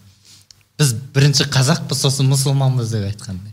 Сонда ол кісі бірінші қазақшылықты қойған сосын мұсылманшылықты қойған дейді да ол арада бірінші деген сөз жоқ қазақпыз дегенде үтір қойған мұсылманбыз деген бұл ап анық енді былай қарағанда екі синонимсіз қатар қойып қойып тұр ғой. Біз қазақпыз дегенде міндетті түрде мұсылманбыз деген иә. таным түсінік шығатын болған ол кезде. Өйтіп бір біріне қарсы қоятын дүние емес та діни мағлұматтарды үйреткен кезде ана аталар немерелесін үйреткен кезде жаңағы кімсің? Мұсылманмын. Кімнің үмметісің? Мұхаммедтің үмметі кімнің миллетісің? Ибраһимнің миллетісің? Қашаннан бері мұсылмансың? деп сол жерде сұрақ бар ғой. Қашаннан бері мұсылмансың? деген кезде негізінде біз талас шайқасынан бері деп айтуымыз керек хронологиялық тұрғысынан. Иә. бірақ біздің бабаларымыз исламды айтты ғой. Соншалықты ә, рухына сіңірген әлмісақтан бері мұсылманбыз деп айтады. Қазақ баласына мұсылмандықты үйреткенде әлмісақтан бері мұсылманбыз деп айтады. Яғни біз жаңағы талас шайқасынан бері мұсылманбыз ұлт ретінде деп айтпайды. Әлмісақтан бері мұсылманбыз дейді. Яғни құран Құранда келгенде, Құран «Аласту би кәрімдегі роббикум біздің рухымыз мұсылман болған біз содан бері мұсылманбыз дейді. Яғни одан біз еш уақытта ажыраған емеспіз Иә. алшақтаған емеспіз дейді. Көрдіңіз ба сондықтан да түркілік мұсылман қазақылық мұсылман бұл байланыс сондай. Мысал ретінде айтайын. Ағаш пен оның жемісі көз бен көрудің арасында күн мен сәулесінің арасындағы байланыс секілді. Ислам мен қа- түркілердің қазақтардың байланысы солай мынау араб Машалла. халықтарының арасының өзінде сөз бар. Алла тағала діннің дәнін араб жазирасында еккенмен оның егінін түркістаннан шығарды. Түркі даласынан орта азиядан түркістаннан шығарды деп айтады да. бұл сөз біз үшін мақтаныш бір жағынан. Бірақ оны ішкі қатты тәкаппарлануға жол бермеу керек деп. Машалла алла разы болсын. Қазірдің өзінде байқасаңыздар ә, әлемде бір мұсылман бір қиын жағдайға қалса еңсесін көтеріп ең құрмағанда сөзбен әй дейтін де осы түркі жұрты болып тұр ғой. Түркі жұрты болып тұр. Ә, осы тұста ереке өзіңізге бір ә, сұрақ қойғым келіп отыр. Мынау жалпы қазақ даласындағы ә, исламдық жүйені реттеген ресей империясы. Дейді Деп Ә, түсінеді. деп айтады деп түсінеді. Және де осы дүмше молдаларды дайындау арқылы солардың дағуатымен насихатыменен яғни уағызменен өздерінің отарлау саясатын кеңінен жайған дейді да. Осы қаншалықты рас? Иә қаншалықты бұл да өте терең ауқымды сұрақ ұстаз. Енді бірақ айтып көрейік барынша. Мынау қазақ хандығы ресейге қосылмас бұрында біздер мұсылман болғанбыз. Руханиятымыз түгел. Білімей құбыламыз. Тарих куә иә болған иә орта азия медреселері түркістан бұхара медреселері. Ол жақтан оқып келген қожа ишандардың барлығы қазақ даласында абыройлы мына қазақтың әлі күнге дейін аузында ассалаумағалейкум деп құттай ал амандасса уағалейкумассалам молда бол айналайын деген сөзінен. Молда деген қазақ даласында ең үлкен престижный мамандық болғанын көреміз да. Яғни әркім баласының молда болғанына құрмет санаған өзіне. Енді біз 18 ғасырдан бастап ресейдің боданы бола бастадық. Және кіші жүзіміз орынбор губернаторлығына қарай бастады губерниясына. Бірақ ресейге бізден бұрын қараған бағынып кеткен оның құрамына кіріп кеткен алтын орданың кейбір ұлыстары бар. ноғай ордасы қазан хандығы сібір хандығы деген сияқты халықтар олардың бәрі мұсылман еді. Енді олардың барлығын олар жаппай шоқындыруға әрекет жасады. Анау мәскеу патшалығынан бастап. Мынау петр первый патшалық империя жарияламасақ жарияламағаннан бұрын. Мынау иван грозный мәскеу князі болып тұрған кезде патшасы болып тұрған кезде қазан қаласы бар алтын орданың ең үлкен қалаларының бірі деп содан қалған. Сол қазан қаласын жаулап бағындырғанын бүтін православ әлемі константинопольді қайтарып алғандай қуанған ғой қазан қаласын жаулауы. Сөйтіп қазан қаласының жаулануына олар 16 ғасырда икона соқтырған. Православ шіркеуінің кәдімгі бір иконасы 16 ғасырда күні кеше ғана пайда болған. Ол казанская божья матери деп айтып анау кремльдегі бас шіркеуі тұр ғой қызыл шіркеуі. Қызыл алаңда тұр. Сол қазанның жаулануына салынған шіркеу да соның құрметіне салынған шіркеу. Бұл нені білдіреді? Бұл кезін өзі кезінде өзін бағынышты қылған халықтарды ресей тарихын жою олар шоқындыру оның барлығын қол астына ұстау сияқты саясатты жүз жылдықтарға мың жылдықтарға жоспарлап тастаған патшалық ретінде. Соның бірінде біз қазақ хандығы қарай бастаған тұста ресей патшалығы түсінді. Мынау мұсылман халықтар мынау православизм тарихында мұсылмандарды өртеген осы татар башқұрттарды шоқынбаған татар башқұрттарды өртеген қазанға салып жаққан кәдімгі инквизиция католиктердің инквизициясындай қылған тарихтар бар саясаттар бар сондай. Бірақ сонда да халық шоқына қойған жоқ түркі халықтары. Қазақтар да шоқынған жоқ. Содан олар түсінді. Бұл халықтар оңай шоқынбайтынын. Сөйтті де бұл халықтардың білімей құбыласын өзгерту керек. Өздері бақылауда ұстап отыру керек. Ана орта азиядағы медреселерді олар өздері бақылай алмайды әлі ол жерлер ресейге қарамайды дегендей. Содан өзі сол мынау қазан баш, ә, қазан уфаның арасындағы орынбор губерниясына қарайтын бір жерде өзі орынборда орынбор мұсылмандар назарияты яғни муфтиятын ашады 18 ғасырдың аяғында. Бұл муфтияттан указной молдалар қазақ даласына келіп дін жеткізіп осындай әрекеттермен сол жақта жасақталған иә сол жақта жасақталған. Бірақ қазақтың таным түсінігінде ресей патшалары тағайындап указной қылған молдаларды тыңдамаған қазақтар. Оларды шеттеткен. Оларды мынау тіпті ақсөлеу сейдімбек атамыз да жазады ғой өзінің. Арғындардың арасына келген указной молдалар 5-6 жасар балаға дейін оны итебарға алмайды былайша айтқанда итебарға алмайтындай болған. Маңызға алмайтын болған оның сөзін. Соншалық дәрежеде указной молдалардың сүйкімі болмаған. Жаңа біз мына бізде кейбір азаматтар айтып жүр ғой ойбай екатерина патшайымның тұсынан бастап қазақ хан қазақтар жаппай мұсылмандана бастаған деп. Енді онда деген қазақ ислам ресейге қарамас бұрынғы қазақтың хандарының аты қасым мұхаммед еді есім мұхаммед еді жиһангер еді. Ол аттарды барып келіп екатерина қойып кеткен жоқ қой. Әбілқайыр мұхаммед бахадүр ғази хан деп екатерина атаған жоқ. Оған дейін біздің таным түсінігімізде мұсылман болғанымыздың көрінісі осы ғой. он сегізінші ғасырда болған ресей патшалығының тарапынан осындай бір указной молдалар мүфтилер тағайындалды рас. Бірақ ол халықтың арасында ондай ә, былайша айтқанда танымалдылыққа ие болған жоқ. Кейбір тіпті татар молдаларын теріс отырғызып айдап жіберетіндей қазақ ауылдары болған ғой. Сондағы мақсат бұл татар молдалар жаңағы ресей патшалары ақ патша оған бағынуымыз керек оның арқанынан ұстауымыз керек деген әңгімесі мынау ғасырлар бойы мынау үлкен ғалымдардың дәрісін естіген халықтар үшін ел билеушілер үшін бұл қабылданбайтын материалдар еді рас енді күштеп жаңағы қазақтың старшындарына би сұлтандарына төрелерінің қасына бір бір указной молда қойып отырған. Бірақ соның өзінде құнанбай қажылыққа бара жатып түркістан ташкентке соққан кезде ой мына татардың указной молдалары пәле болды өздеріңдей қожалар қайда? деп қожалармен сөйлескен хазіреттермен сөйлескен ақтөбенің тұсында барып досжан хазіреттермен сөйлескен құнанбайдың тағы да басқа қазақтың сондай билеушілерінің сөздері бар. Бірақ ә, бұл бір жағынан ә, бұл мына татар халықтарының айласы деп қабылдауға да тура келетін шығар. Өйткені татар халықтары бізден 18 ғасырға дейін он екі ғасыр бойы езгі көрді жаңағы жағылды қазанға өртенді дегенде сондықтан олар мейлі жақсы бұхарадан пәтуа алмай өзіміздің пәтуамыз болсын өзімізге мүфтият құрып берейін деп отыр ғой. Өзіміздің молдаларымыз шықсын ақыры ақыры мұсылман боламыз ғой намазымызды оқимыз ғой деп. Сондай бір түсінікте болды деп ойлаймын. Бірақ әлбетте оларды жаңа бір бір қазақтың ауылына жіберу арқылы кейбір саясаттарын жасап отыр. Бірақ барлығы бірдей қате жаман саясат ұстанды деу қате татардың да жақсы көзі ашық молдалары қазақтың көзі ашық біраз ғалымдарын тәрбиелеп шығарды. Олар кейін тәуелсіз боламыз ұлт азаттық жариялаймыз мемлекет жариялаймыз деген бір топ қазақтың зиялылары осы ғалияларда ә, орынборда хусайнияларда оқыған азаматтар ғой. Троицкіде расулияда оқыған ыбырай алтынсарин тағайындаған ә, со, стипендиядан оқыған балалар ғой былай қарағанда.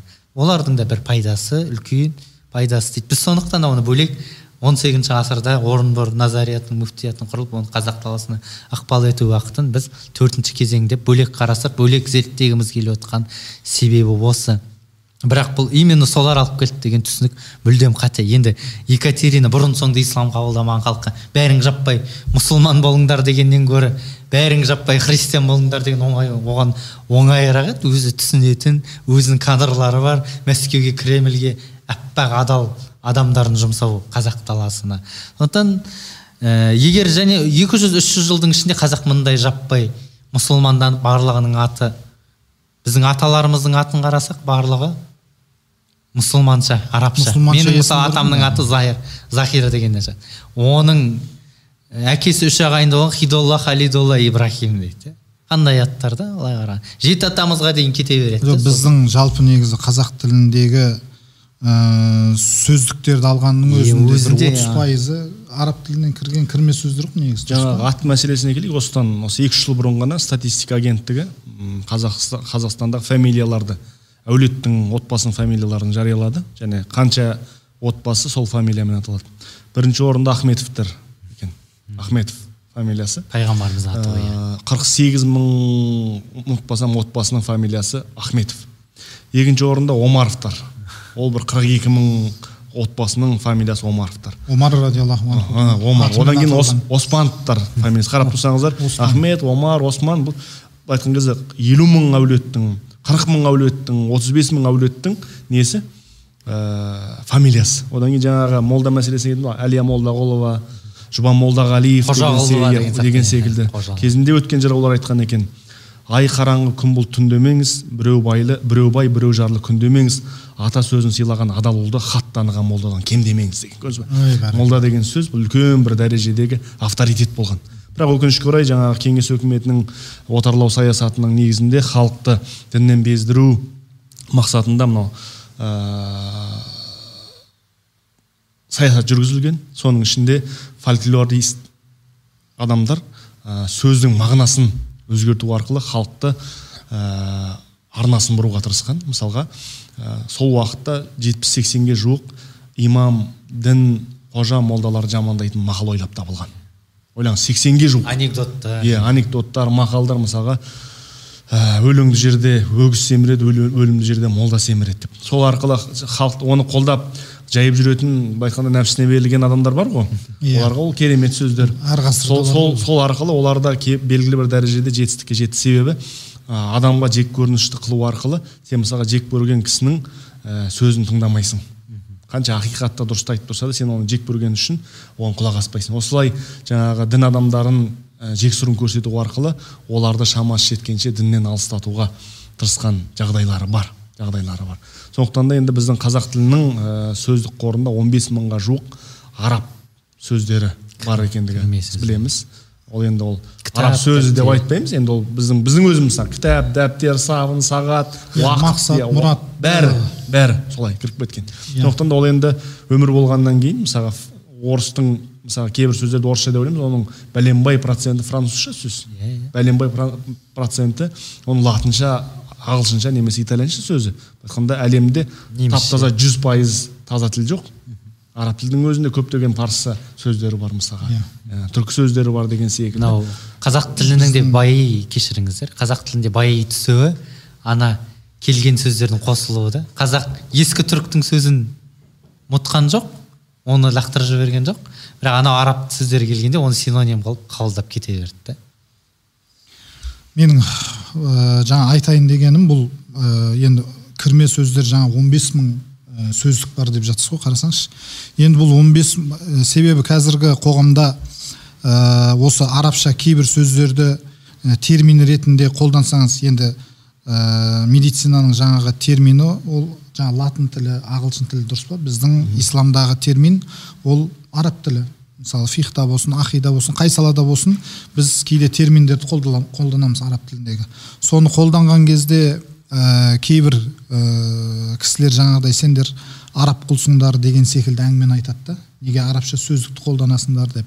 И мен айт, енді сол кезде айналайын аға бұл ә, қазақ тіліне кірген кірме сөздің ә, бір шамасы ол араб тіліндегі сөз деп айтамын. Сосын бұны ә, бұлай бір шеті көтеріп жүргендер олар кімдер? Арнайы мысалы интернет желісінде отырып алып осылай араб құлдар деп қоздырып отыратындар бар. Мысалы арабша бір нәрсе жазып қалсаңыз немесе бір, бір арабша бір сөздікті қолданып қалсаңыз ә, бұлар кімдер мысалы? Интернет желісіне қоздырып отқандар.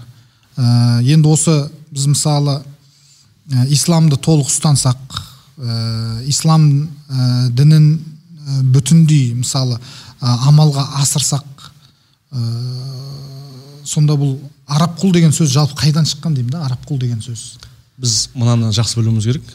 Ислам ол ешбір ұлттың меншігі емес. Арабтікі де емес ол.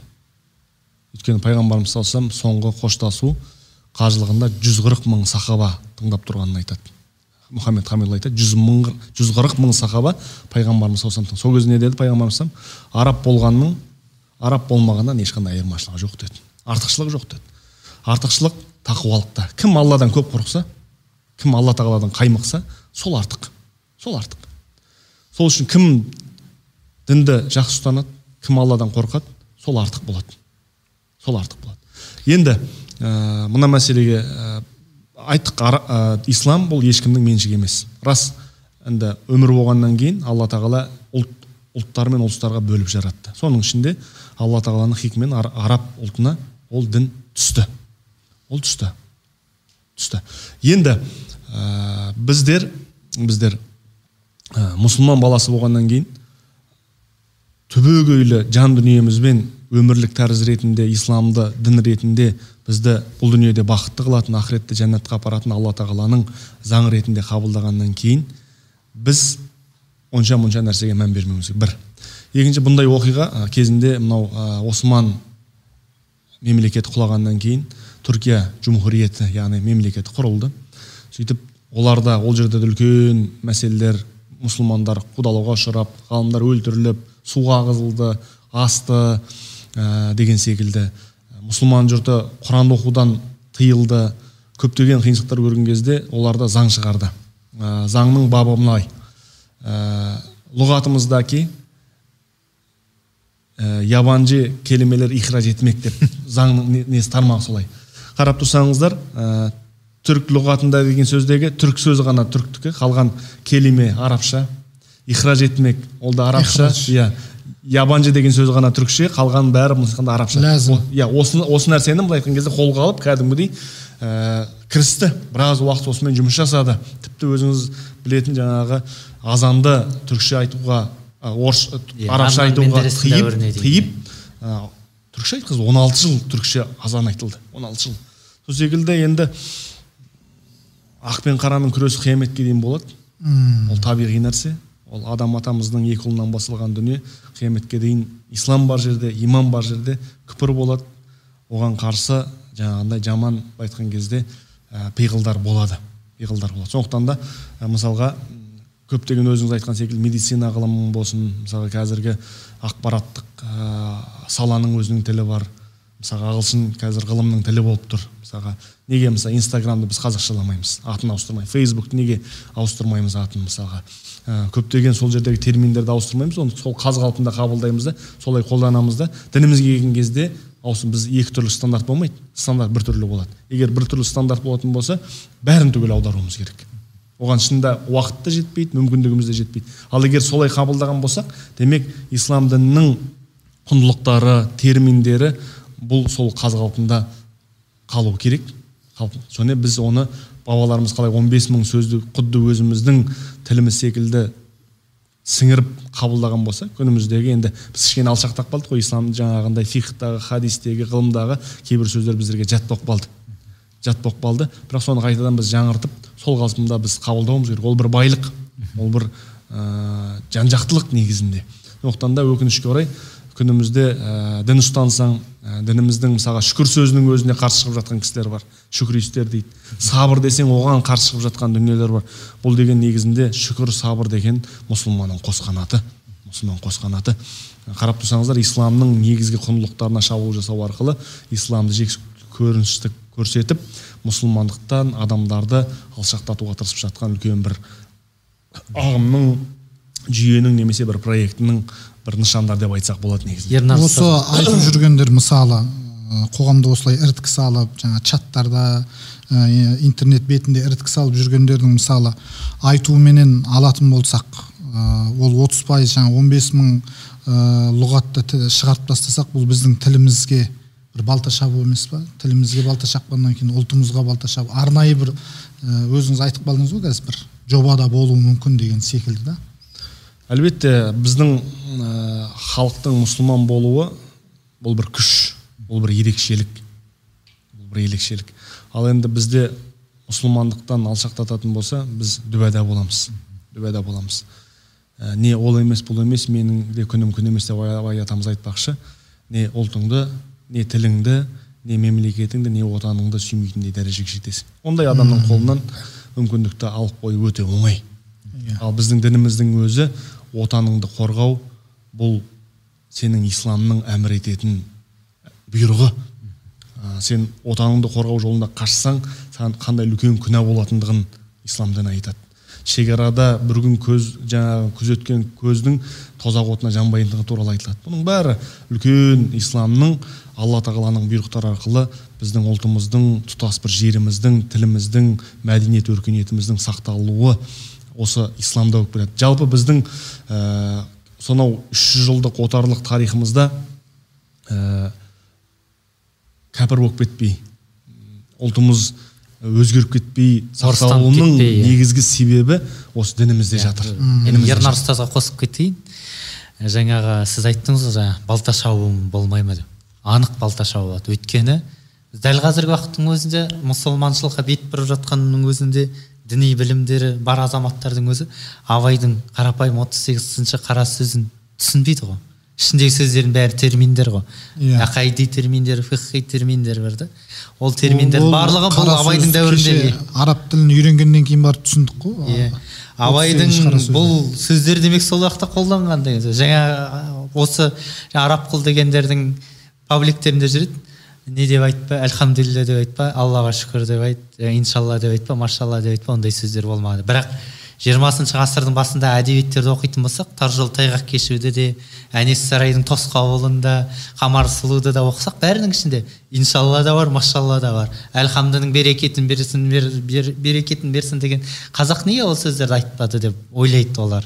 Айтқан оғаны біздің құлағымызға жат болып кеткен шығар. Енді жаңа араб құлдар деген конспирологияны шығарып жүрген адамдар ді я болмаса біз тәңіршіл болуымыз керек араб құл болып бара жатырмыз исламды ұстау арқылы деп айтып жүрген адамдарды біз ашық дінтанушы ретінде айтамыз. Бұлар ашық кәдімгі атеисттер тәңіршілміз тәңіршілміз деп айтып жүргені нео тәңіршіміз деп айтып жүрген себептер олардың? Қазақ жетпіс жыл бойы атеистердің езгісінде болып қалды да бүтін тарихи жады қалып қойды да атеистпіз десе оны ешкім қабыл құдайсызбын десе оны ешкім қабылдамайтынын біледі де оларды.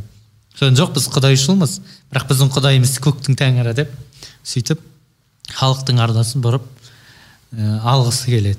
Бірақ әрдайым да ондай топтар жеңіліс табады жүйесі аналитикасы әрмен қарайға мазмұны мәні жоқ ондай топтар тарихта келеді кетеді деп ойлаймыз.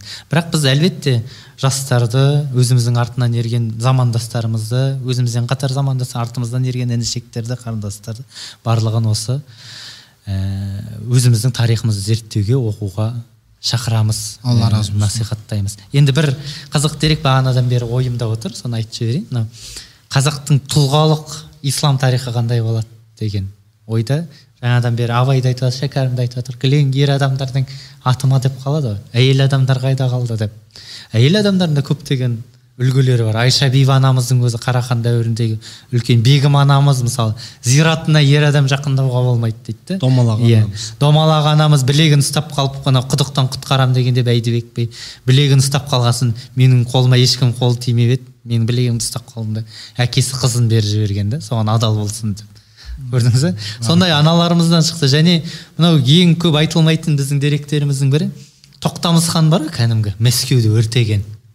Соның қызы жанеке сұлтан-бегім қажылық жасаған ханшайым қажылық жасаған бегім. Ол оқиғаны бізге басқа емес өзіміз көп айтатын ұстаздарымыз көп айтатын көп сілтеме келтіретін ибн хаджар әл асқалани деген ғалым бар. Сол кісі жазады да шам өлкесінен дейді дамаскіден ғой димашқтан дешті қыпшақтың ханының қызы жаңағы жанеке сұлтан бегім өтіп кетті өзінің қосынымен және димашықтағы көптеген Шамды кешіп өткен ғой. Шамды кешіп өтіп сол жердегі ә, кем кетіктерге жарлы ақшасын беріп садақасын жол сондай жөнекей бір садақа иман жүзі жасап сондай адам болды деп айтқан сөздері бар да.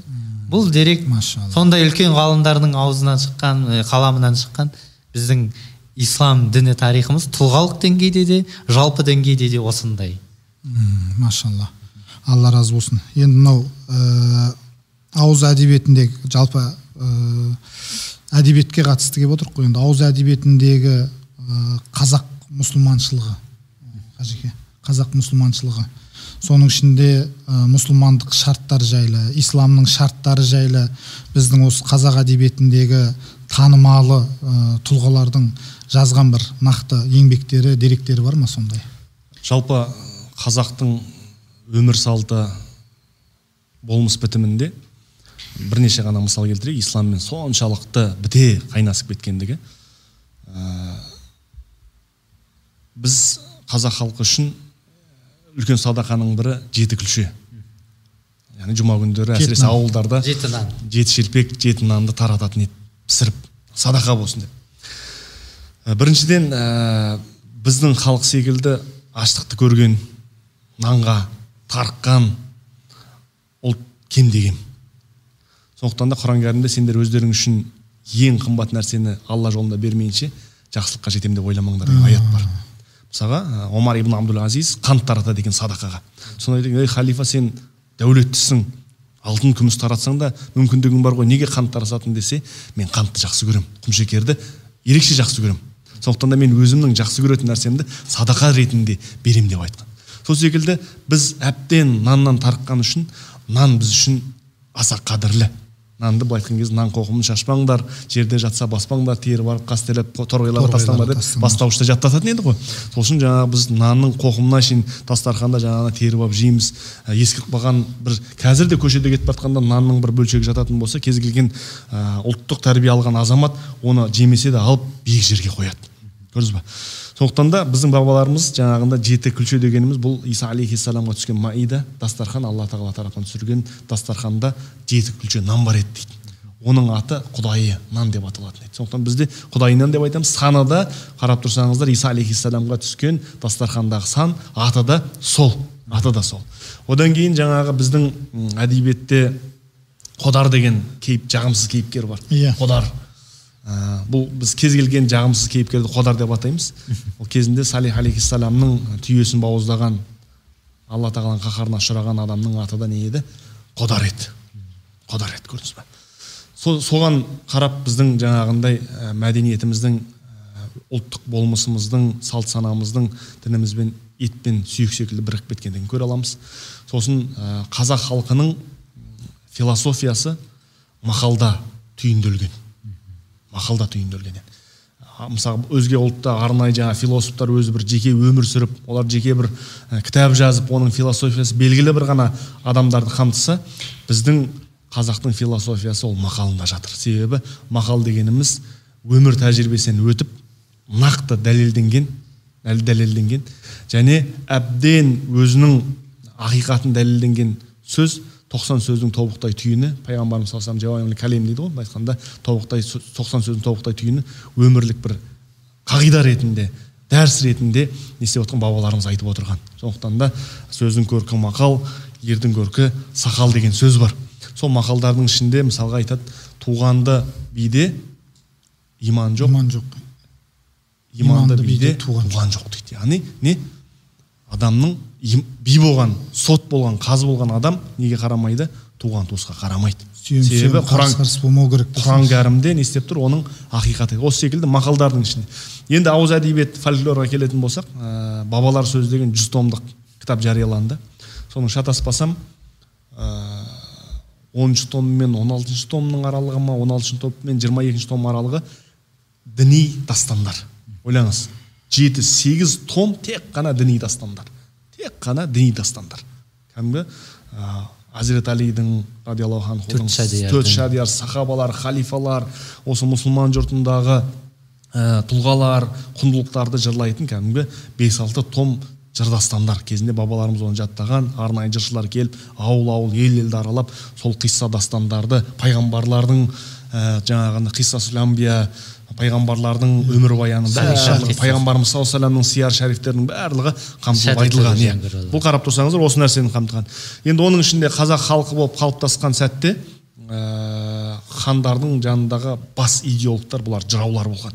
Әу баста жаңағы керей мен жәнібектің жанында ә, біз доспанбет жыраудың қаз, қазтуған жыраудың ә, одан кейінгі асан асан қайғы жыраудың үмітей жыраудың жыраудың сол жыраулардың барлығының жырларында тұнып тұрған ислам тұнып тұрған иман тұнып тұрған біздің шариғатымыз шариғатымыз. Өйткені олар жай ғана жырау емес ол сол жердегі ханның бас уәзірі кеңесшісі мемлекеттің идеологы.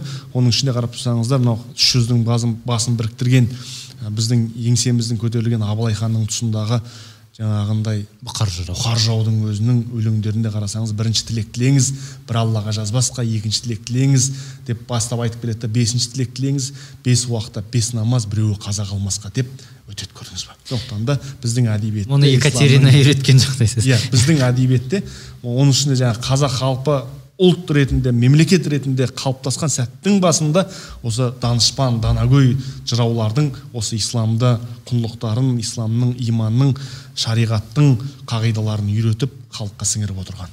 Толықтырып кетейін ұстазымызды. Мына бұқар жырау деп қалды ғой. Біз оны тек қана жырау бір ретінде көреміз да тарихымызда.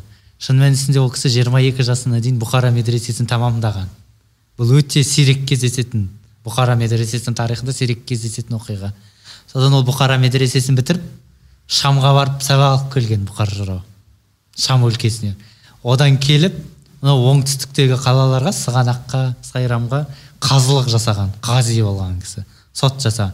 Кейін барып хандардың көзіне түсіп сөйтіп абылай ханның дәрежесіне дейін соның оң қолы болған дәрежесіне дейін жеткен. Кешегі хандарымыз хандардың ең соңғысы кенесары ханның өзі қасым. Ол да өзінің ол кісі көтерілісін ғазауат деп айтты иә, ғой ислам қағидаттарын енгізуге ә, жаңағыдай ә, жизия алуға барынша әрекет қылды ғой. Иә әлбетте. Сосын жаңағы тоқалынан туған бес баласының төртеуінің аты жаңағы өзіміз айтқандай исламдағы ұлы тұлғалардың атымен аталған.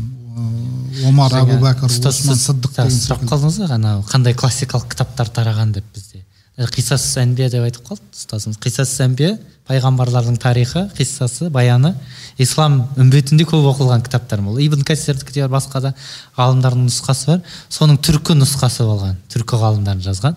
Ол ә, рабғузи деген кісінің рабат әл оғузи деген кісінің жазған қиссас әнбиясы әрбір қазақтың қолында жүрген.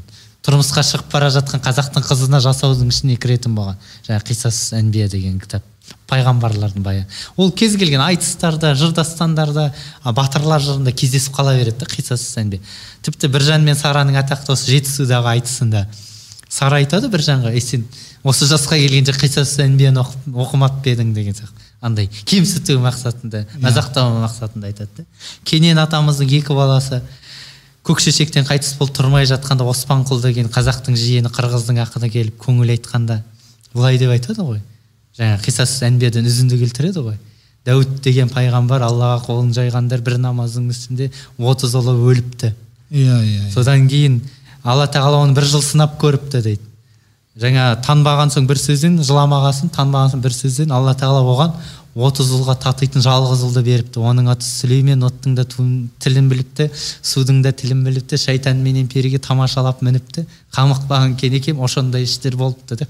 Жаңағы қырғыздың ақыны осындай көңіл айтқанда кенен басын көтерген екен дейді. Иә. сонда қисас әнбия қазақтың кәдімгі бүтін ауыз әдебиетінде қазақтың 17 жасында 17 жастағы сара сияқты 16 жастағы сара сияқты қыз айта алатындай үлкен классикалық кітабы болған ғой қарап тұрсаң. Алла разы болсын. Иә, Ол- жалпы тарихшылардың кітабы көбінесе енді жаңағы табари болсын имам табаридің ибн асир ибн касирдің тарихтарының бәрі жаңағы жаратылыстан басталып осы пайғамбарларды түгендеп сосын пайғамбарымыз саллаллаху вассаламның өмірбаяны сөйтіп кетеді ғой. Желісі солай. Иә. желісі солай да тарихтар тарихшы. Тарих, ислам тарихының желісі солай, иә. солай болған сондықтан да біздің бабаларымыз сол бастаудың иә бастаудан нәр алып отырған ғой? Нәр алып отырған иә дұрыс айтасыз. Машалла алла разы болсын. Негізі айтатын болсақ айтарға сөз көп еді. тақырып сұрағымыз да біршама көп еді бірақ уақытымыз тығыз шектеулі. Ә, алтын уақыттарыңызды бөліп келгендеріңізге алла разы болсын. Аллах тағала осы ә, ниеттеріңізге қарай сауаптан жазсын. Аллах тағала отбасы шаңырақтарыңызға ұрпақтарыңызға береке берсін. Ә, иншалла бұл бұнымен шектелмейміз алдағы уақытта тағы да иншалла ә, мүмкіндік туып жатса ә, иншалла сіздермен көрсеміз қонақ қылып шақырамыз иншалла көп көп рахмет өте сүбелі жақсы сұхбат болды деп ойлаймын Ә, алла тағала алдағы уақытта жақсы күндерде жеткізсін біздің бабаларымыз сияқты дінге қызмет етуімізді жазсын әмин енді тарих өткеннің жады ғой мысалы бір адам есін жоғалтып қойса памятін ұмытып қалса ол адам түкке жарамсыз болып қалады өзінің ата анасын танымай қалады ата анасын сыйлаудан қалады деген секілді сол секілді ұлт ретінде тарихын ұмытқан ұлт өзгеге бодау болады ғой. Сондықтан да тарихымызды ақиқат тарихымызды шынайы тарихымызды біліп Бұрмаланбаған. зерттеп соны жас ұрпақтарға көрсетуіміз керек. Біздің қоғамда ә, біздің тарихта жаңағы ұялатын тұс жоқ дейді ғой. Сол секілді аллаға шүкір. үлгі тұтатын тұлғалар жетіп артылады сол иншалла. Соны біліп үйреніп сол кісілер үлгі тұтсақ жаман болмаймыз алла разы болсын. Құрметті көрермендер мінекей алланың қалауымен ә, білдей екі ернар ұстаздарымыз келіп өздеріңізге тың мағлұматтармен қазақ даласындағы ислам тақырыбына қатысты тың мағлұматтармен бөлісіп кетті. Ә, біз сіздермен қоштаспаймыз. Алда тағы да қандай тақырып көтеру керек болса талқылау керек болса ә, төменде ә, жаңағы пікір қалдырсаңыздар болады. Иншалла келесі көріскенше сау саламат болайық ассаламағалейкум рахматулла.